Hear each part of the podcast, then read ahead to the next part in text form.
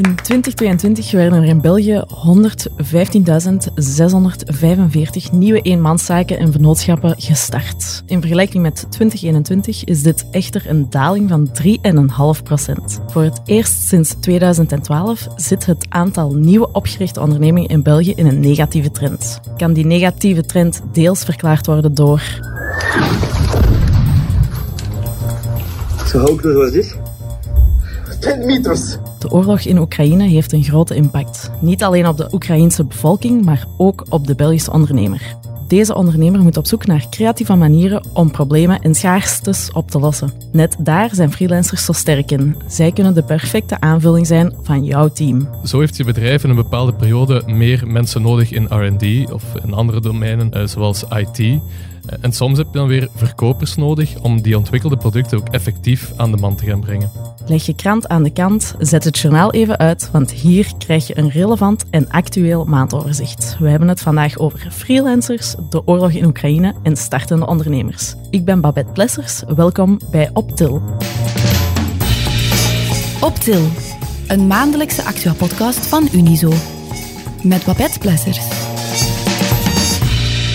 We zitten hier op de hoofdzetel van Unizo in Brussel. Bij mij aan tafel zit Louis van Houten. Samen met zijn zakenpartner Guillaume Melis won hij Starter van het Jaar Award met Knus. Welkom. Babette, goedemiddag. Ook bij ons aan tafel zit adviseur internationaal ondernemerschap Emiel Nijrink van Unizo.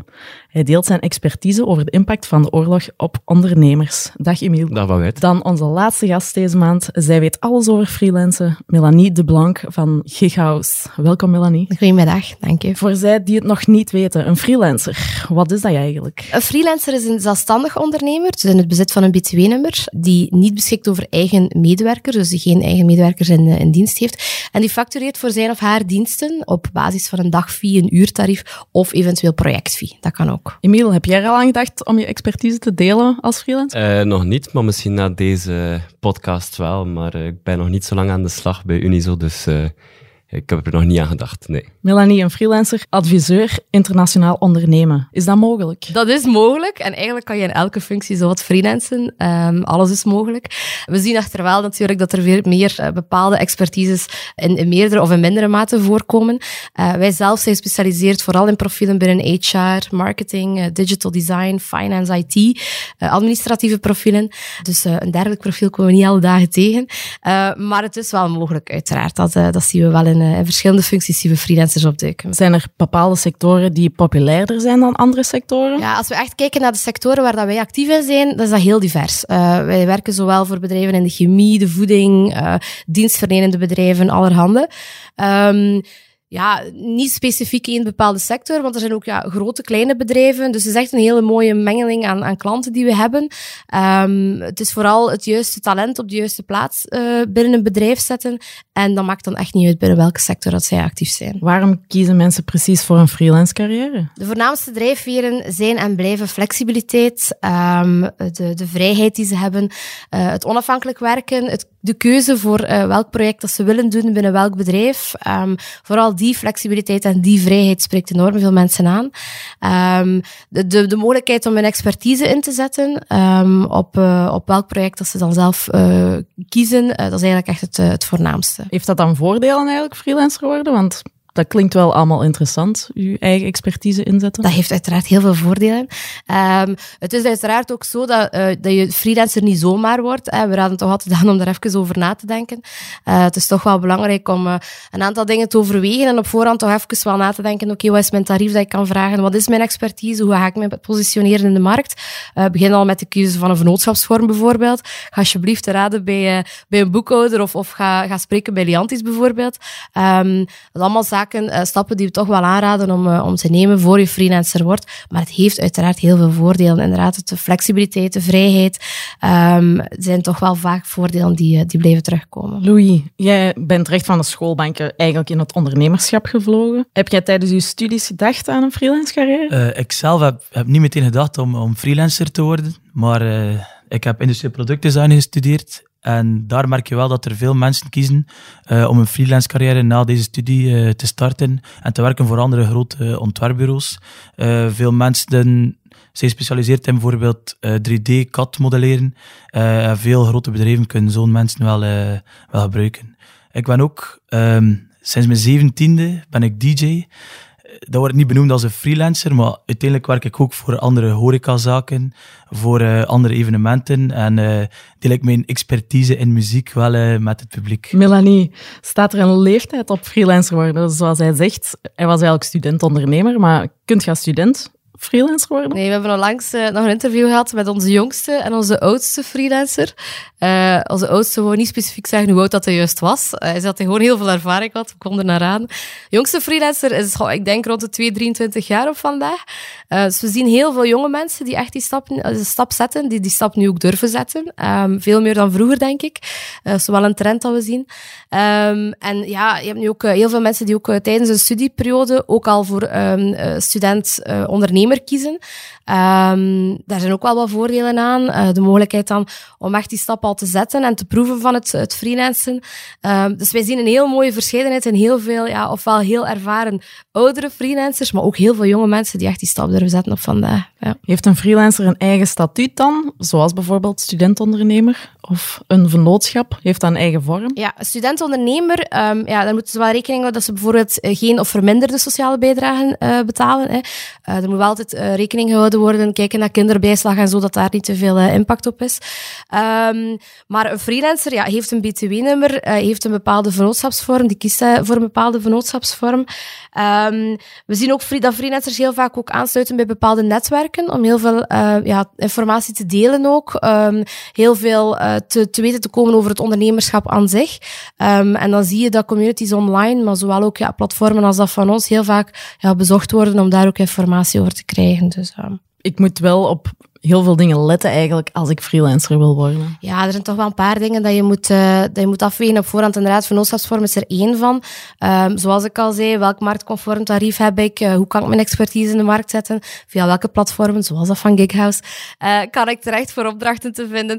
Dus um, ja, je hebt toch wel wat dingen waar je moet op voorhand even toch goed over nadenken. Ja. Louis, jij bent pas gestart. Hoe hebben jullie jullie ondernemingsvorm gekozen? wij, dus we zijn een BV. En uh, wij hebben ons daar wel door laten begeleiden. Uh, door onder andere de vriendin van Guillaume, mijn, uh, mijn collega. zij is jurist en ze kent er wel redelijk wat van.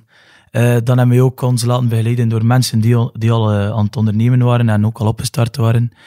die zeiden, als je springt, spring goed. Kies meteen een goede ondernemingsvorm, en, zodat er daar geen conflicten kunnen ontstaan. En Emiel, ondernemers die internationale ambities hebben, moeten zij er eens op letten bij de opstart van hun onderneming? Ja, natuurlijk. Internationaal ondernemen, er komen daar niet alleen heel veel regels bij kijken, maar ook ja, andere culturen, gewoonten, wetgeving, uh, andere soorten bedrijfsvoering. Nu, ik denk als je intra-EU handelt, dat dat wel nog allemaal meevalt. Maar zeker als je buiten de Europese Unie um, internationaal onderneemt, dan, dan kom je toch wel met heel andere soorten regels, uh, in contact, wel andere mensen, volledig andere gewoonten.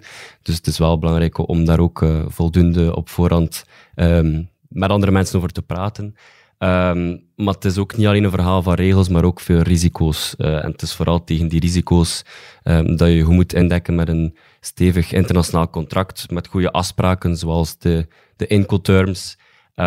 En een goede logistieke partner is ook belangrijk hè, bij die verre afstanden. Dus het is, het is, meer dan alleen die regels, maar, maar ja, het is een complex verhaal, maar interessant verhaal, internationaal ondernemen. Maar dus het is niet um, de ondernemingsvorm die ik hier kies in België, maakt eigenlijk niet uit um, nee, voor nee. mijn internationale ambities. Nee, nee, inderdaad. Dus er zijn, zoals je zelf aangeeft, bepaalde regels waar ik rekening mee moet houden. Um, Gaat dat dan over btw-regels, over um, ja, uitvoerregels, neem ik aan? Um, ja, dus bijvoorbeeld zeker en vast als je buiten, zoals ik zei, buiten de Europese Unie handel drijft, moet je al rekening houden met, met invoerrechten die je, uh, waarmee je te maken zal krijgen. Dus daar moet je toch zeker op letten. Um, ja, dat hangt heel hard af tot, van land tot land, maar ook van product tot product. Uh, je kan soms maken krijgen met uh, heel hoge invo invoertarieven, maar ook met nultarieven. Dus het is zeker belangrijk om daar um, rekening mee te houden.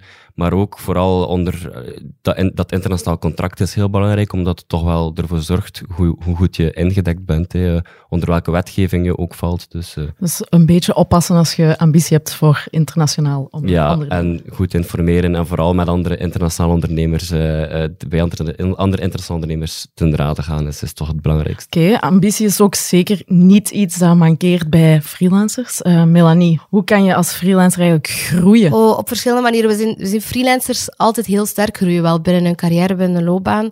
Eh, het zijn ondernemers, eh, het zijn mensen die ook zelf instaan voor het opdoen van hun kennis, eh, die zelf ook heel vaak op zoek gaan naar de juiste opleidingen, juiste leertrajecten, ehm, en die uiteraard ook heel veel ervaring opdoen, doordat ze bij heel veel verschillende opdrachtgevers in verschillende sectoren zitten.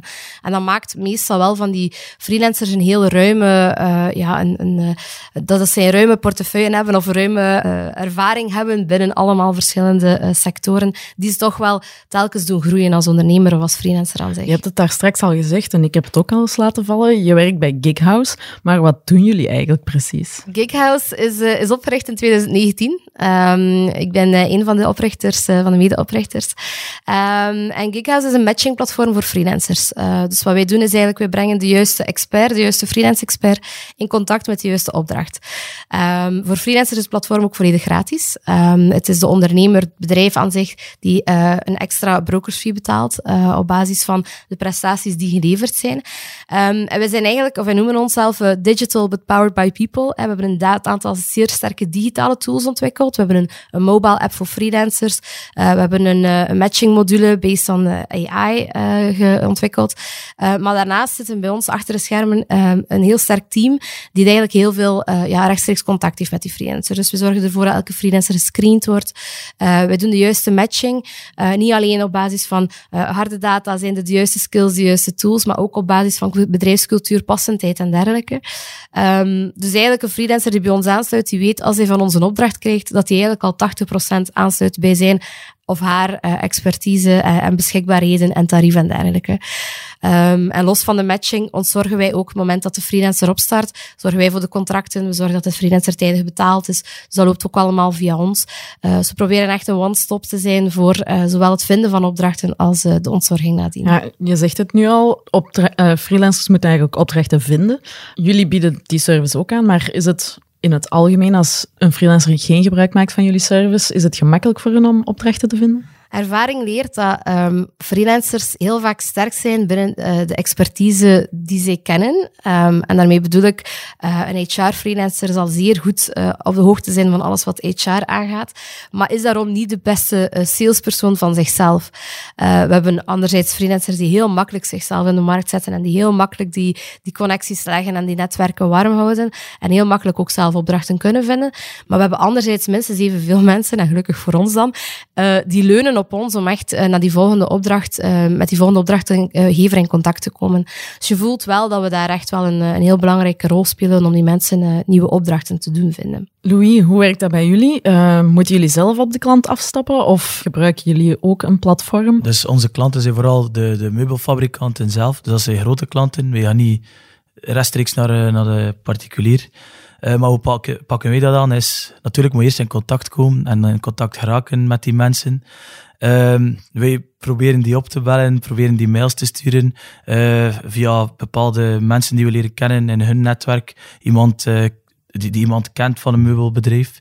Ehm, en als we dan in contact zijn gekomen met die persoon, eh, zorgen we eigenlijk voor dat we die zien, dat we al een, een, een concept hebben uitgewerkt eigenlijk voor die klant. En daar zijn zij altijd zeer enthousiast over. Die, ze verwachten dat ook niet dat we dat zouden gedaan hebben. Dat is dan natuurlijk digitaal, dat zijn renders en zo.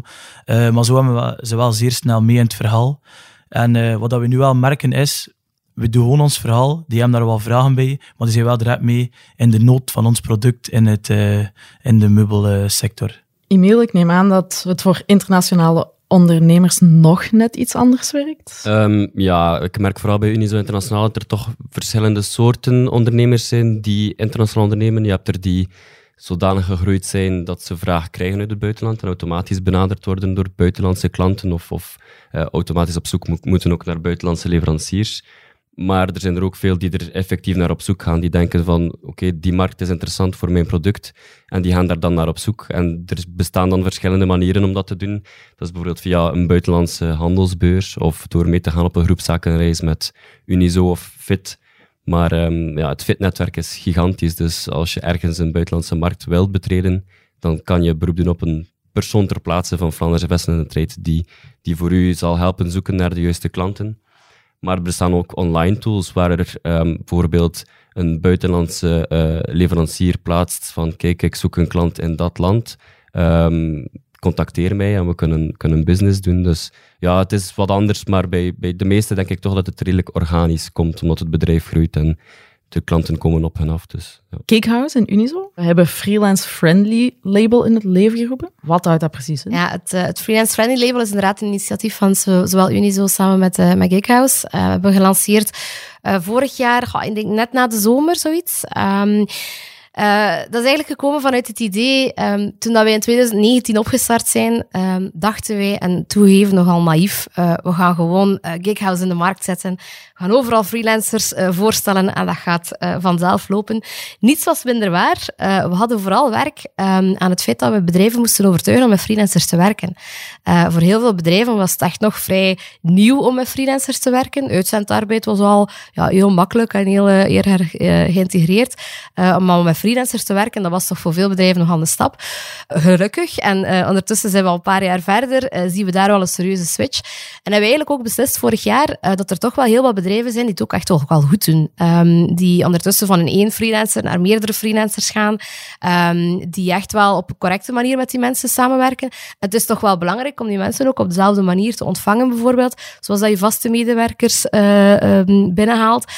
dat begint bijvoorbeeld al met uit te leggen de eerste dag waar dat de koffie staat. Hè. Uh, in heel veel bedrijven denken freelancers nog altijd, oh, zet maar hier, uh, die persoon hier even op een bureau uh, gooien en die, die gaat het wel doen. en dat willen we net niet. het gaat hem over de expertise op de juiste plaats, los van op even welke contractvorm dat je nu hebt. Um, dus vandaar inderdaad het initiatief naar het Freelance Friendly label, waarbij dat we eigenlijk vooral bedrijven in de picture willen zetten die het echt goed doen. Um, en die bedrijven komen dan bij ons binnen, geven aan dat ze vinden dat ze het zelf goed doen, worden ook vaak, en dat is mooi, al voorgedragen door freelancers die er werken. Dus freelancers die zelf aangeven van eigenlijk verdienen jullie het freelance-friendly label wel.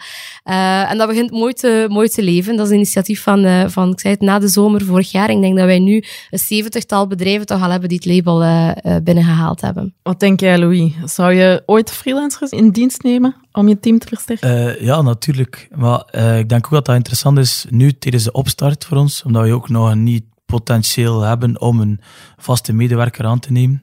Uh, dus denk ik wel dat dat zeker interessant kan zijn voor ons. Dan via jullie platform natuurlijk. Uh, de correcte freelancer te vinden. Maar voor ons is dat, zou dat ook een uitdaging zijn om, om de juiste freelancer te vinden. Omdat wij, wij, ja, wij zijn nieuw in het veld en wij zijn bijvoorbeeld financieel of, of, op vlak van marketing zijn wij beide niet zo sterk en hebben wij wel wat expertise nodig. Uh, nu werken wij met, met dan een financieel expert. Marketing komt nog, we zijn daar nu niet volledig aan op, eh, op aan het inzetten.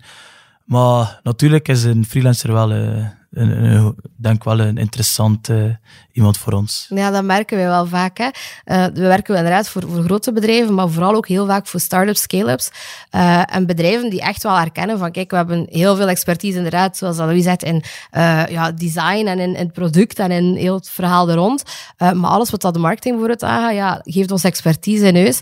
En dan komen ze echt specifiek bij ons. Maar kijk, dit zijn echt uitdagingen die we hebben. Zorgt voor ons voor de juiste persoon. En dan zijn we wel de meerwaarde die ze vaak nodig hebben op dat vlak. We hadden het daar juist al over de internationale ambities. Uh, Melanie, is het zo dat freelancers veel minder plaatsgebonden zijn? We hebben een freelancer die op een zeilboot werkt. We hebben ook iemand die met een camper de wereld rondreist en die van daaruit uh, werkt. Dat zijn dan uh, meer marketingprofielen. Um, we hebben mensen die reizen en die uh, heel graag vanuit het buitenland effectief werken. Maar dat is uiteraard echt, ja, echt afhankelijk van de expertise die ze hebben. Um, als je een freelancer bent binnen HR en je moet dagdagelijks een HR-beleid uit gaan werken voor een bedrijf, dan is het toch wel belangrijk dat je de medewerkers kent en dat je voelt wat er in dat bedrijf leeft. En dan voel je ook dat die nood er is, zowel van de freelancer als van het bedrijf, om echt meer aanwezig te zijn binnen het bedrijf. Maar ja, de copywriters, de, de marketeers, allerhande profielen hebben het zeker mogelijk om, om, om te reizen en om dat van op een afstand te doen. Ik kan mijn job eigenlijk uitvoeren van op een wit strand. Moest jij dat willen, dan kan dat perfect. En als, jij daar, als je de opdrachtgevers vindt die daar ook allemaal mee akkoord gaan, dan, dan kan dat.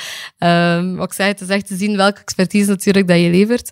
En natuurlijk ook er altijd rekening mee houden, ook wel dat je, um, je gaf dat ook al aan, um, houdt rekening met uh, regels van het land ook, waar je uh, effectief actief bent. We, hebben, uh, we zijn ook in contact met een bedrijf in Duitsland bijvoorbeeld, die freelancers daar heeft, um, of die daar met freelancers werkt. daar zijn freelancers volledig vrijgesteld van sociale bijdragen. Daar is bijvoorbeeld de regels rond um, schijnzelfstandigheid zijn veel strenger dan in België. net om die reden natuurlijk, om daar geen misbruik, om daar misbruik tegen te gaan.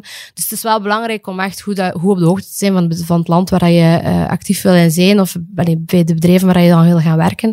Maar los daarvan, als je op de hoogte bent en je formeert je goed en je zorgt dat je in orde bent met alle regels, ga dan alsjeblieft op dat wit strand gaan zitten. Dat is veel plezanter. kan ik als freelancer, als ik in België werk, jobs aannemen van het buitenland. Dat is geen probleem. Maar en ik kan dus ook in het buitenland jobs aannemen en is dat allemaal als mijn onderneming gevestigd is in België? Of moet ik dan ook mijn onderneming vestigen in het buitenland? Ja, ik denk dat dat echt inderdaad land per land moet bekeken worden ook. Ja, het is daar ook het grote verschil tussen intra-EU of extra-EU. Mhm. Dus binnen de EU maakt dat niet echt uit, maar buiten de EU zal het niet zo evident zijn inderdaad om, om je diensten te gaan aanbieden. Dus goed op de hoogte zijn van alle regels is, is het belangrijkste. Louis, heeft KNUS internationale ambities? Ja, die zijn er zeker. Daar zitten wij ook al wij zelf leveren momenteel of werken samen met uh, Vlaamse meubelfabrikanten. Uh, maar niet veel mensen weten dat. Uh, in Vlaanderen is het eigenlijk de top van het uh, outdoormeubilair. Mm -hmm. En dat is niet bewezen, maar ik denk dat dat komt door ons slecht klimaat, dat hier veel regent. Dus moeten de materialen topkwaliteit zijn. Dus de, de grote merken zijn Tribune, Extremis Manuti. die man leveren wereldwijd. Als wij bij hen terecht zouden gaan, dan zijn we direct eigenlijk in dat wereldwijd netwerk. En dus natuurlijk zijn die uh, internationale ambities groot. Ons product is ook niet enkel voor België geschikt. Uh, er zijn veel landen, bijvoorbeeld Canada, Duitsland ook nu zeker, Frankrijk, dat zeker um, interesse zouden hebben in ons product. Eerst was er sprake dat er in de Zuiderse landen niet zoveel interesse zou zijn in, de, in het verwarmd Uh, maar ik ben overlaatst naar Porto geweest en heb daar ook uh, enkele bevragingen gedaan. En uh, kwam dan ook te weten dat in veel steden in, Porto, in, in Portugal zijn er mensen die geen verwarming thuis hebben. Omdat er in de, zomer, in de zomer is daar warm genoeg, maar in de winter kan er wel veel waaien en, en toch wel niet, niet zo prettig weertje zijn. Dus zo verwarmde sofa binnenshuis dan ook wel iets goeds zijn daar. Het is zeker waar wat Louis zegt. Dat Vlaams meub, uh, meubilair is wereldwijd heel sterk. Ik ben recent ja. mee geweest op groepszakenreizen naar LA en San Francisco met meubelondernemers hier uit Vlaanderen. En in de, in de, zelfs in die landen kennen ze Vlaams meubilair als als topmeubilair, topdesign, ja. uh, topkwaliteit. Dus uh, Inderdaad. Knus uh, heeft ja. zeker nog de mogelijkheid om internationaal ja. de wereld over te nemen, denk ik. momenteel is er ook, nu is de beurs bezig in Milaan, dat is ook een, de, een van de grootste ter wereld, Salone. Um, daar heb je zelf een Belgian corner. Ik had geen corner noemen, ik denk dat het nog een redelijk groot deel is. Met allemaal Belgisch meubilair. En die, die prong daar graag mee, ook internationaal prong die van wij zijn Belgische makelij, wij, wij zijn Belgisch wij verkopen of maken Belgisch ja. meubilair. We zijn daar vaak nog te braaf in, maar het merk Made in Flanders of Made in Belgium staat toch wel ja, ja. heel sterk in de wereld. En we beseffen dat vaak niet goed genoeg. Dus, uh. Op naar het Made in Belgium label voor uh, Knus. Ja, zeker. Internationale ambities of niet, de impact van de oorlog in Oekraïne heeft elke ondernemer gevoeld. Inflatie swingt de pan uit, de loonkost stijgt, energie en andere grondstoffen worden fors duurder en de economische groei daalt. De inval in Oekraïne zet de verhoudingen tussen Rusland en het Westen op scherp. We zien de energieprijzen verder pieken en de beurzen die kleuren rood bij de gedachte aan een heel langdurig conflict of zelfs een eh, recessie. 24 februari 2022 begon de Russische invasie van Oekraïne. Het gewapend conflict heeft niet te overziene gevolgen. Emiel, zijn er in België veel bedrijven of sectoren die getroffen zijn door de oorlog? Ja, natuurlijk. Ik denk dat we dat toch wel allemaal gemerkt hebben de laatste, de laatste jaren eigenlijk. Ook al voor de uh, Oekraïne-crisis. Um, maar het dat ook heel, heel hard af van sector tot sector. Het is vooral op het gebied van ja, energieprijzen, inflatie, handel en concurrentievermogen dat we invloed hebben gemerkt. En de grootste gevolgen zijn toch voor bedrijven die afhankelijk zijn van graan, grondstoffen, uh, gas of zelfs diamanten die uit Rusland komen. We hebben dat bijvoorbeeld al meteen gemerkt met de zonnebloemolie die kwam uit Rusland en Oekraïne, die massaal vervangen werd door koolzaadolie. En dat was toch wel een, een, dat had een heel grote invloed in de voedingssector. Er zijn ook hogere kosten door de Europese sancties tegen Rusland. Um, er zitten goederen vast in Rusland ook. Mensen hebben na de coronacrisis soms ook andere uh, toeleveringsketens gezocht naar Rusland. Die bestellen dan dingen in Rusland en dan plots komt die crisis er en staan hun goederen daar, daar vast. En daar kan je eigenlijk niets aan doen. En dat zorgt wel voor, voor frustraties. Maar toch ook een, een kleine side note ook is belangrijk dat dat om, is om dat niet te overschatten, want onze buurlanden blijven nog altijd wel onze belangrijkste handelspartners. Um, meer dan 50% van onze import komt uit Duitsland, Nederland en Frankrijk. Dus er is inderdaad een grote invloed geweest. We hebben dat allemaal gemerkt. Maar de buurlanden zijn ook zo belangrijk en dat hebben we toch uh, allez, zeker geleerd de laatste jaren. Maar is het eigenlijk nog mogelijk dan om handel te drijven met Oekraïne of met Rusland? Ja, met Oekraïne wel, met Rusland in principe ook. Maar er zijn heel veel uh, ja, sectoren waar dat dan niet meer kan of, of restricties die het onmogelijk maken. Um, voor de simpelste zaken zoals glas bijvoorbeeld, kan je niet meer krijgen uit Rusland. Dus uh, met Oekraïne wel, met Rusland niet, zou ik zeggen. Dus er zijn veel beperkende maatregelen van krijgen? Ja, ja, dat toch wel. Ja. Het is, uh, ik zou het niemand aanraden om nu te importeren vanuit Rusland, alleszins. Dus. Uh, Melanie, ondervinden freelancers ook een impact van de oorlog in Oekraïne? Een echt directe impact zien wij niet direct. Um, de freelancers uh, ja, zijn natuurlijk actief binnen verschillende sectoren. En zoals Louis terecht aangeeft, um, zijn er verschillende sectoren die, het, uh, die, er wel meer impact op hebben dan andere. Die dus meer nood zullen hebben aan uh, freelancers inzetten, al dan niet. Uh, maar op zich een directe impact zien wij niet zo, zo hard. Gelukkig. En Louis, hebben jullie al impact ondervonden met Knus? Bij Knus merken we wel de, de koopkracht van de, van de mensen is wel veranderd, zeker op het vlak van meubilair. Uh, tijdens corona hebben mensen superveel geïnvesteerd in hun tuin. Uh, nu is dat wat minder. Natuurlijk richten wij ons op dit moment naar de high-end sector ja, daar blijft dat gelijk wat duren. Uh, zeker als we, als we de cijfers horen, is uh, in de middenklasse is met 80% gedaald qua investering in meubilair voor buiten of, of investering in de tuin of meubilair voor binnen. Uh, in de high-end sector is dat alleen maar gestegen de laatste twee, drie jaar. Op vlak van onze, in onze supply chain dan, zijn de batterijen wel een stuk verduurd. We gaan daar uh, een prijs geven aan onze eerste klant. We hadden ook geen ervaring van voor het project. Is ons eerste project. Ja, we plannen daar een prijs op. Plots, ja, shit, de, de prijs is maar twee gegaan. Ook door de oorlog in Oekraïne. Um, dus daar merken we wel wat moeilijkheden in. Maar uh, momenteel hebben we alles uh, nog onder controle. De levertijden zijn ook wel... Uh, het duurt allemaal wat langer tegen dat we, dat we alles hebben. we zitten ook met enkele leveranciers. Dus uh, tegen dat we alles krijgen en kunnen afleveren aan de klant, duurt dat wel eventjes. Uit de laatste bevraging van de Nationale Bank van België blijkt dat bedrijven vandaag voornamelijk kampen met stijging van input- en loonkosten en bevoorradingsproblemen, zoals Louis al gezegd heeft. We luisteren even naar Michael van Drogenbroek. En dat is natuurlijk op een vervelend moment. Uiteraard is die oorlog altijd op een vervelend moment. Maar uh, dit was eigenlijk economisch gezien het moment dat uh, ja, na moeilijke coronajaren ook heel wat sectoren opnieuw zich konden optrekken. De verwachtingen waren er ook naar. Uh, en, en op heel ja, echt extreem korte tijd is dat nu omgekeerd. Daar echt een, een reële vrees voor een economische recessie. Emiel, zijn er manieren voor bedrijven om hun supply chain veilig te stellen? We merken toch dat er een, een hele grote shift is geweest de laatste jaren. Um, dat vooral dat bedrijven niet langer afhankelijk zijn van één leverancier of aan, aan een single sourcing doen, maar toch een dual sourcing of zelfs multiple sourcing.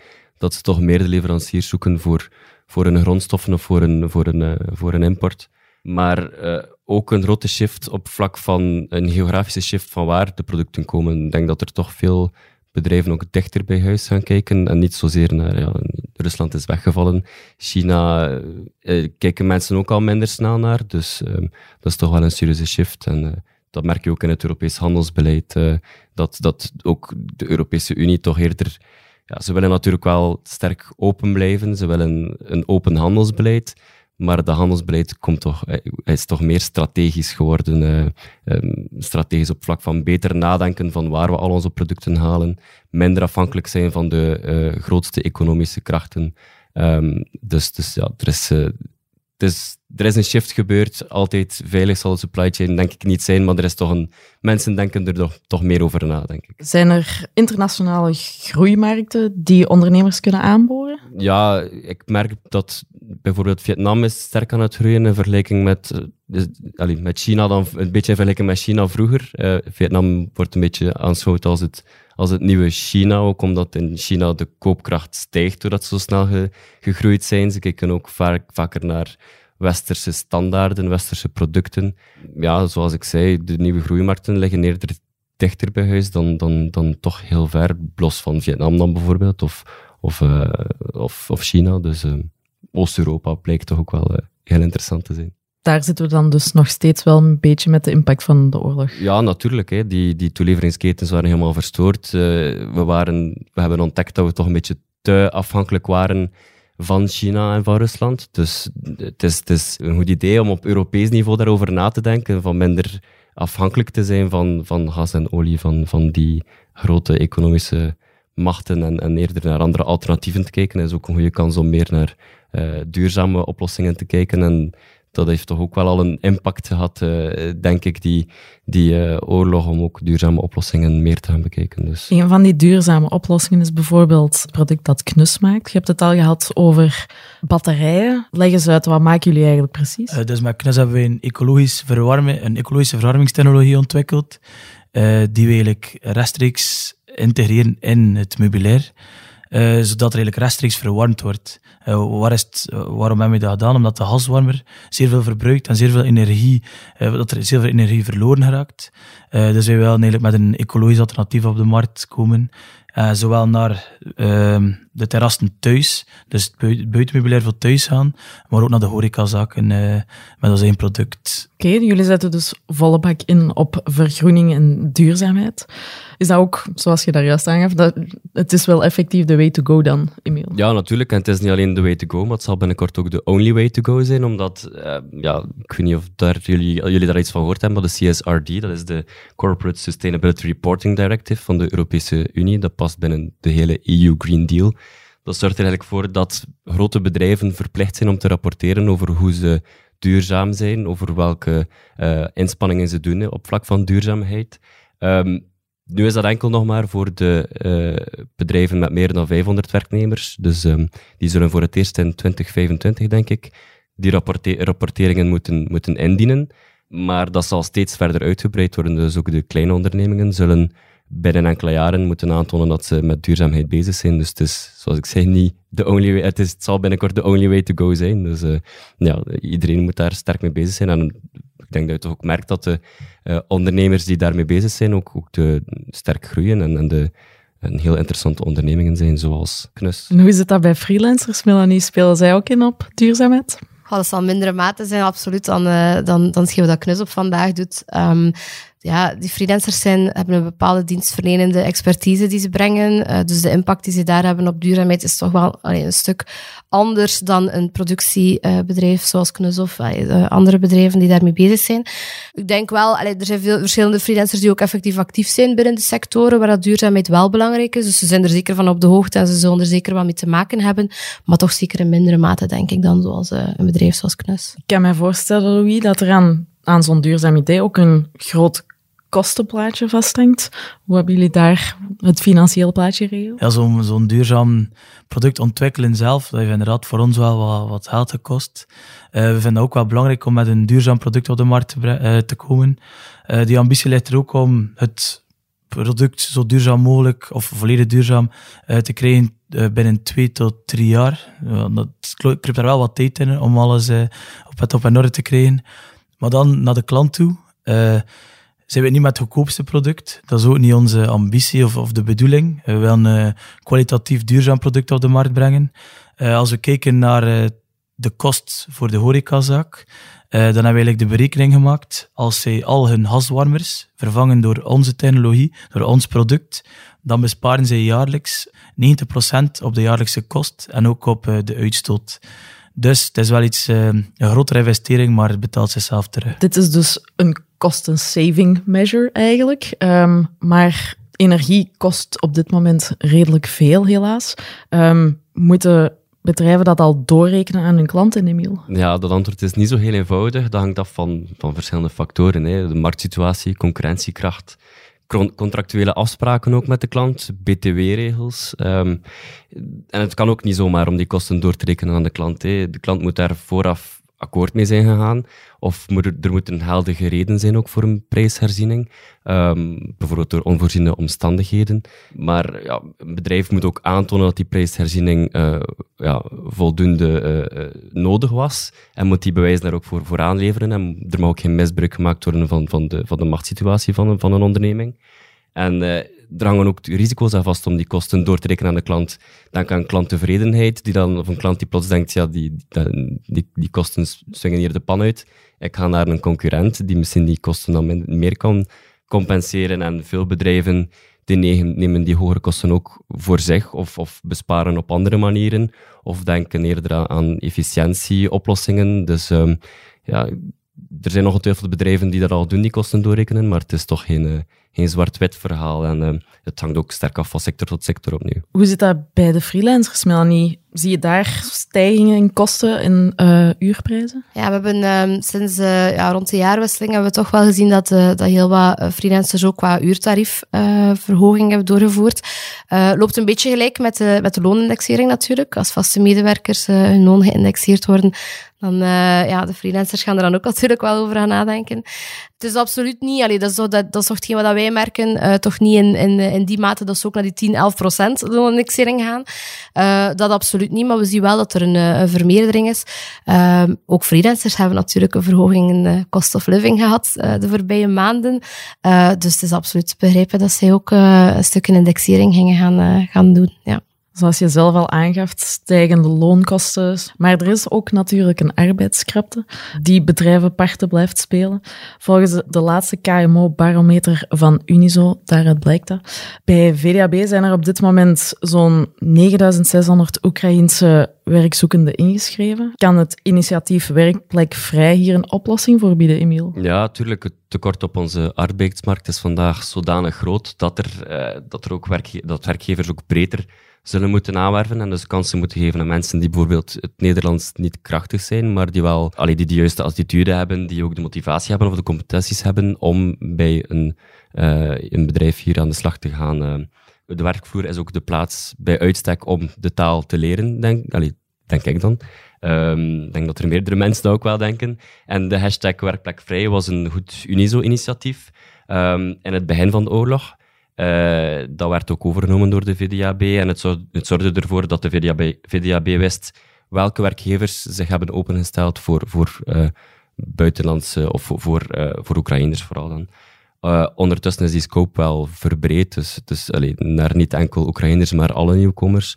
Dus ik denk zeker dat dat wel een, een goede oplossing is om de tekorten op de arbeidsmarkt een beetje in te vullen. Kunnen freelancers ook soelaas brengen voor de krapte op de arbeidsmarkt? Absoluut, ja. dat is hetgene wat we toch al in een paar jaar ook willen, willen meegeven en echt uh, proberen uh, bedrijven ook in, te, in op te voeden. Um, je hebt vandaag niet meer de luxe als bedrijf om um, ja, uh, te zeggen, ik wil iemand vast op de payroll en ik wil iemand met die en die skills. Um, je hebt wel die luxe, maar je moet wel je, je, je, je, je spectrum een stuk breder gaan trekken dan vroeger. als je uh, die War for Talent als bedrijf um, wil gaan omarmen, ja, ga dan alsjeblieft um, mensen gaan aantrekken inderdaad, of geef mensen kansen uh, die je nog moet gaan trainen bijvoorbeeld. Um, geef mensen kansen die inderdaad niet perfecte taal spreken, maar waar je wel de wil ziet om het te, te doen. en zeker ook bij freelancers. Het mag niet gaan over welke contractvorm of vandaag uh, dat je belangrijk vindt, maar het moet gaan over de, de expertise, het talent, de wil, de skill die je op de juiste plaats zet. en laat die contractvorm dan als alsjeblieft bijzaak zijn. Uh, het gaat hem over uh, het, bedrijf en de ondernemingen uh, vooruit helpen, denk ik. Ondernemingen kunnen zelf dus ook helpen bij het inzamelen van hulpgoederen. Um, Unizo heeft en de Vlaamse regering en zeven andere werkgeversorganisaties sloegen de handen in elkaar om een gerichte inzamelactie op poten te zetten. Hoe kunnen bedrijven hun steentje bijdragen, Emiel?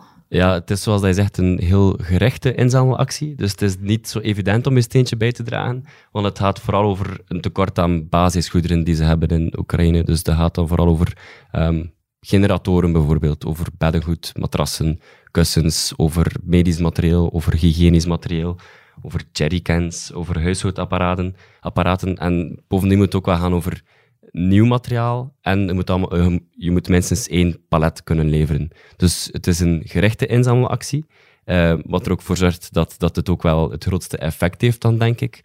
Maar je kan als bedrijf daar dus inderdaad uh, aan deelnemen.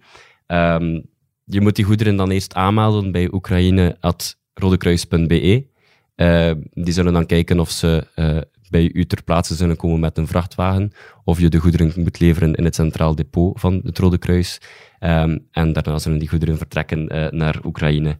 Um, dus als bedrijf uh, kun je zeker je bijdrage leveren via die actie, maar ook via andere acties. Dus. Oei, als je die lijst zo hoort, zijn er dingen die jij kan missen of die Knus kan leveren? Ik denk, moest Knus al iets ouder zijn, dus uh, we moesten wel uh, ons één product hebben, een goed en we hebben, alles is in orde, alles is gefixt.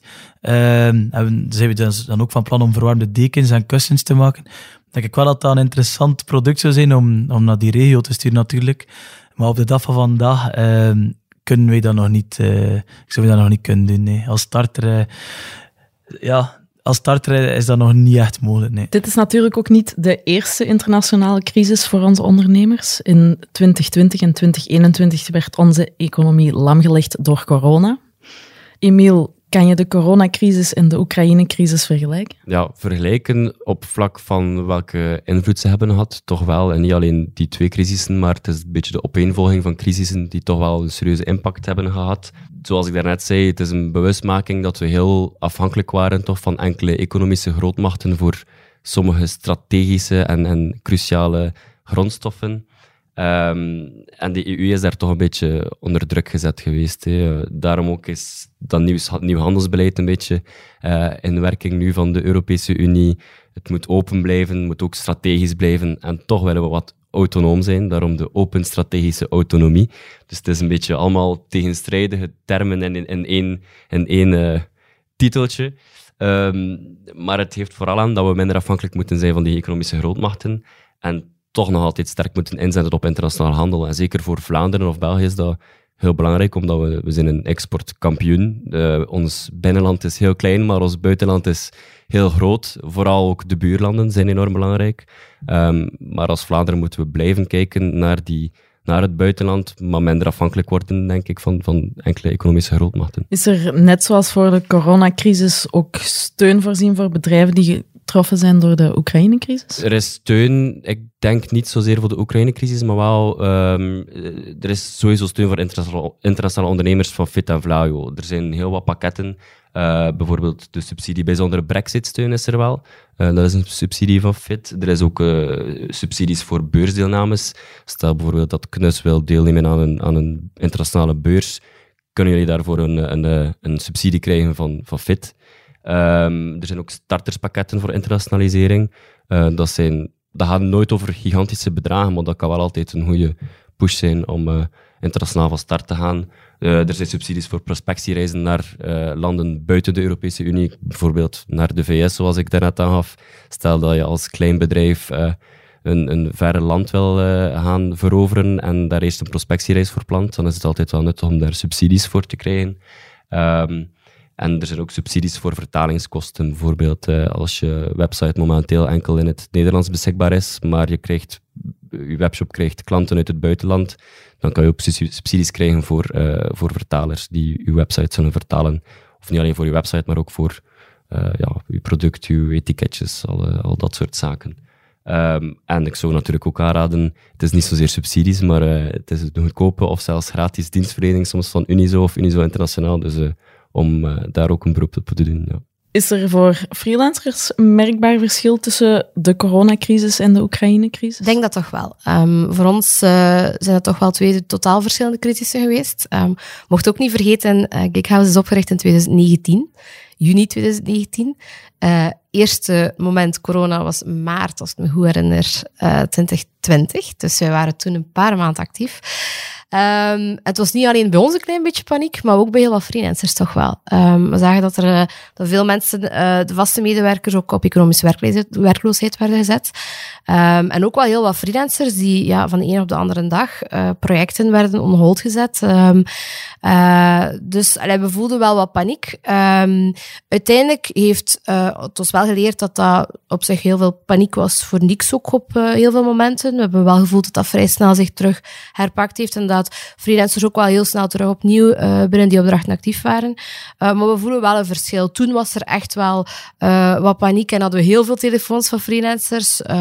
de Oekraïne-crisis heeft wel een mindere impact, denk ik. En, en is toch minder uh, in die mate dat het uh, paniek creëert. En Louis, het idee van Knus is ontstaan tijdens corona. Hadden jullie geen schrik om de stap naar ondernemerschap te zetten? Wel, nee. Dus ten eerste, tijdens corona werd er al veel geïnvesteerd in buitenmeubilair. Dus dat, daar zagen we dan al, zeker geen conflict. Um, maar het was ook door de schoolopdracht, waar, dus Knus komt uit de schoolopdracht. Uh, door die opdracht en het product van de opdracht eigenlijk uh, te commercialiseren tijdens, de, tijdens het vak ondernemen, uh, was er eigenlijk al direct een potentiële klant van Buitensolaf die interesse had in het product en die eigenlijk direct voor, voor gaan. Dus dat heeft ons ook aangezet om snel van start te gaan. En dan hebben we niet echt denk niet echt veel gekeken naar corona of toch niet veel schrik gehad ervan. Heel moedig, want uit cijfers van Unizo en Graden Credit Safe blijkt het tegenovergestelde eigenlijk het voorbije jaar zijn ruim 100.000 nieuwe ondernemingen gestart. En een jaar eerder waren dat er bijna 10% meer. Dus dat is toch een serieuze daling. Maar ja, hoe komt dat dan eigenlijk? Hè? De opvolger van IMBI zit bij ons in de studio. Knus won de Starter van het jaar 2022 Award. Startende ondernemers met creatieve ideeën die er volop voor gaan, worden met deze award in de bloemetjes gezet. Op die manier wil Unizo starters inspireren en aanmoedigen, maar ook informeren en begeleiden. Proficiat Louis. Dank u wel. Jullie zijn nu starter van het jaar. Wat doet dat met een mens? Ja, dat is zeer leuk om, de, om die titel te ontvangen. Uh, we hadden dat ook totaal niet verwacht. We hadden ingeschreven voor, bij, bij Unizo om mee te doen voor starter van het jaar. En om dat dan uiteindelijk toch uh, te winnen, uh, voelt dat wel zeer goed. En heeft dat wel bevestiging dat je met, iets, uh, met een goed idee bezig bent die bevestiging krijg je op het begin veel van familie en vrienden. Want natuurlijk willen ze altijd het goede voor u en willen ze altijd positieve commentaren geven over uw idee. Maar om dan zo'n prijs in ontvangst te mogen nemen, eh, is dat zeer leuk. Ja. Heb je het gevoel dat dit ook een voorbeeldfunctie met zich meebrengt? Ja, we willen dat zeker ook met ons meedragen en voorbeeld geven aan startende ondernemers, of toch ook ik als studentondernemer, nog steeds, want, uh, want ik studeer nog, om toch een voorbeeldfunctie te zijn voor mensen met hetzelfde idee. Ehm, ik wil bijvoorbeeld toch wel inzetten om, om inspiratie te brengen naar creatieve ondernemers, creatieve mensen met een idee veel creatieve mensen werken het idee niet volledig uit. Ze hebben een leuk concept, een leuk product, maar doen er niets mee. Uh, ik wil toch aanmoedigen om dat zeker te proberen als je er uh, zelf volledig in gelooft. Melanie, worden er voor freelancers ook zo'n soort prijzen uitgereikt? Um, ja, nog niet direct, maar daar zijn we wel uh, toch mee bezig. Um, het Freelance Friendly Label is ondertussen in het leven geroepen. Um, dus, en dat is dan eerder voor bedrijven, maar ook voor freelancers zou toch zeker een dergelijk label of een dergelijk kwaliteit stable of, uh, of, of uh, ja, award mogen komen. Uh, dus we zijn er wel mee bezig, maar ik kan er nog niet veel over vertellen. Later meer daarover. Spannend.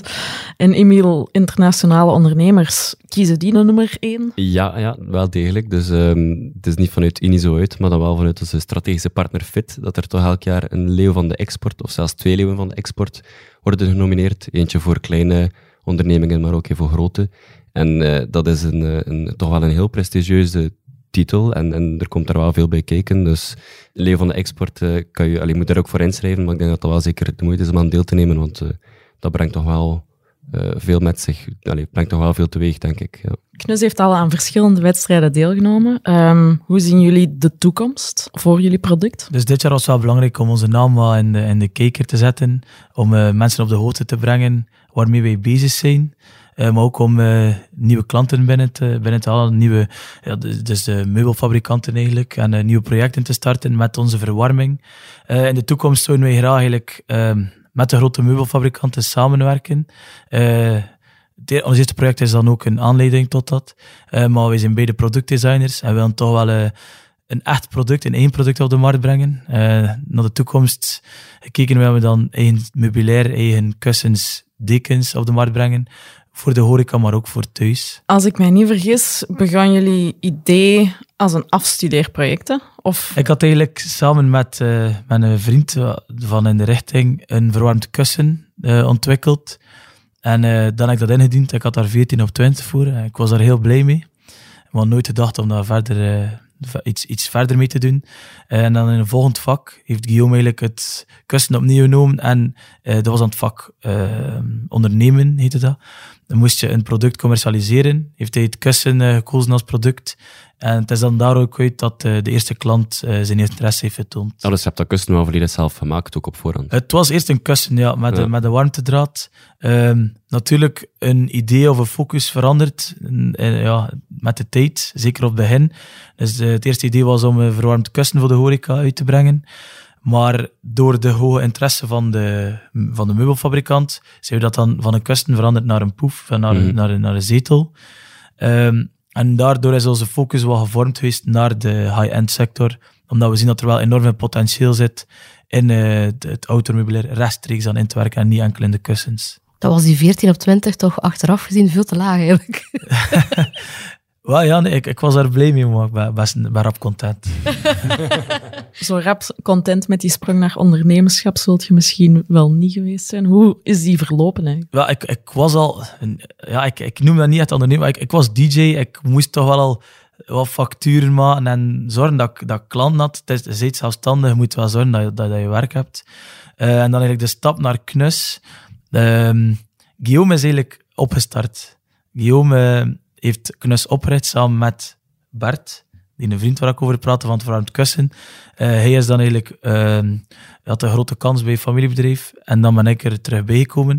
Dus eigenlijk heeft Guillaume het meeste risico op het begin toch wel onder zich genomen. Uh, en dan ben ik er zeer enthousiast bij, bij gekomen. nu ondertussen bijna een jaar geleden.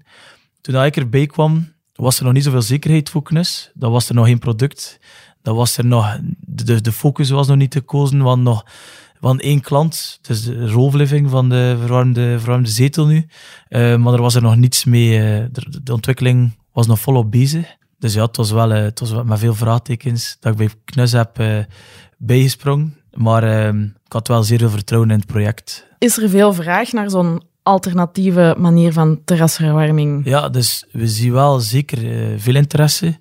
Uh, ook voor de horecazaken. En dan praat ik niet meteen over de, de high-end meubilair sector, maar uh, wel over de horecasector. Uh, met, dat, uh, met dat de reglementering eraan komt, wat dat nu al is in Frankrijk en Zwitserland, is dat de gasverwarming voor op terrassen al volledig verboden is. We zien dat dat in Nederland al in gang gestoken is, in Duitsland. Dus hadden we dat dan voor heel Europa, zijn we daar eigenlijk vrij zeker van. En dat is ook logische zet naar uh, een, een, duurzame ecologische planeet. Uh, dat de vervullende gasverwarming eigenlijk verbannen moet worden over heel Europa. Dus daar zien we veel interesse in. natuurlijk hebben we nu nog geen fysiek product, maar we moeten dat ook nog introduceren. We hebben ook al gesprekken gehad met Vuurne en Kortrijk, die wel zeer sterk hun interesse tonen om ons product bij de horeca te introduceren en ook te gebruiken. En dan bij de high-end sector kijken we vooral naar comfort en extra beleving.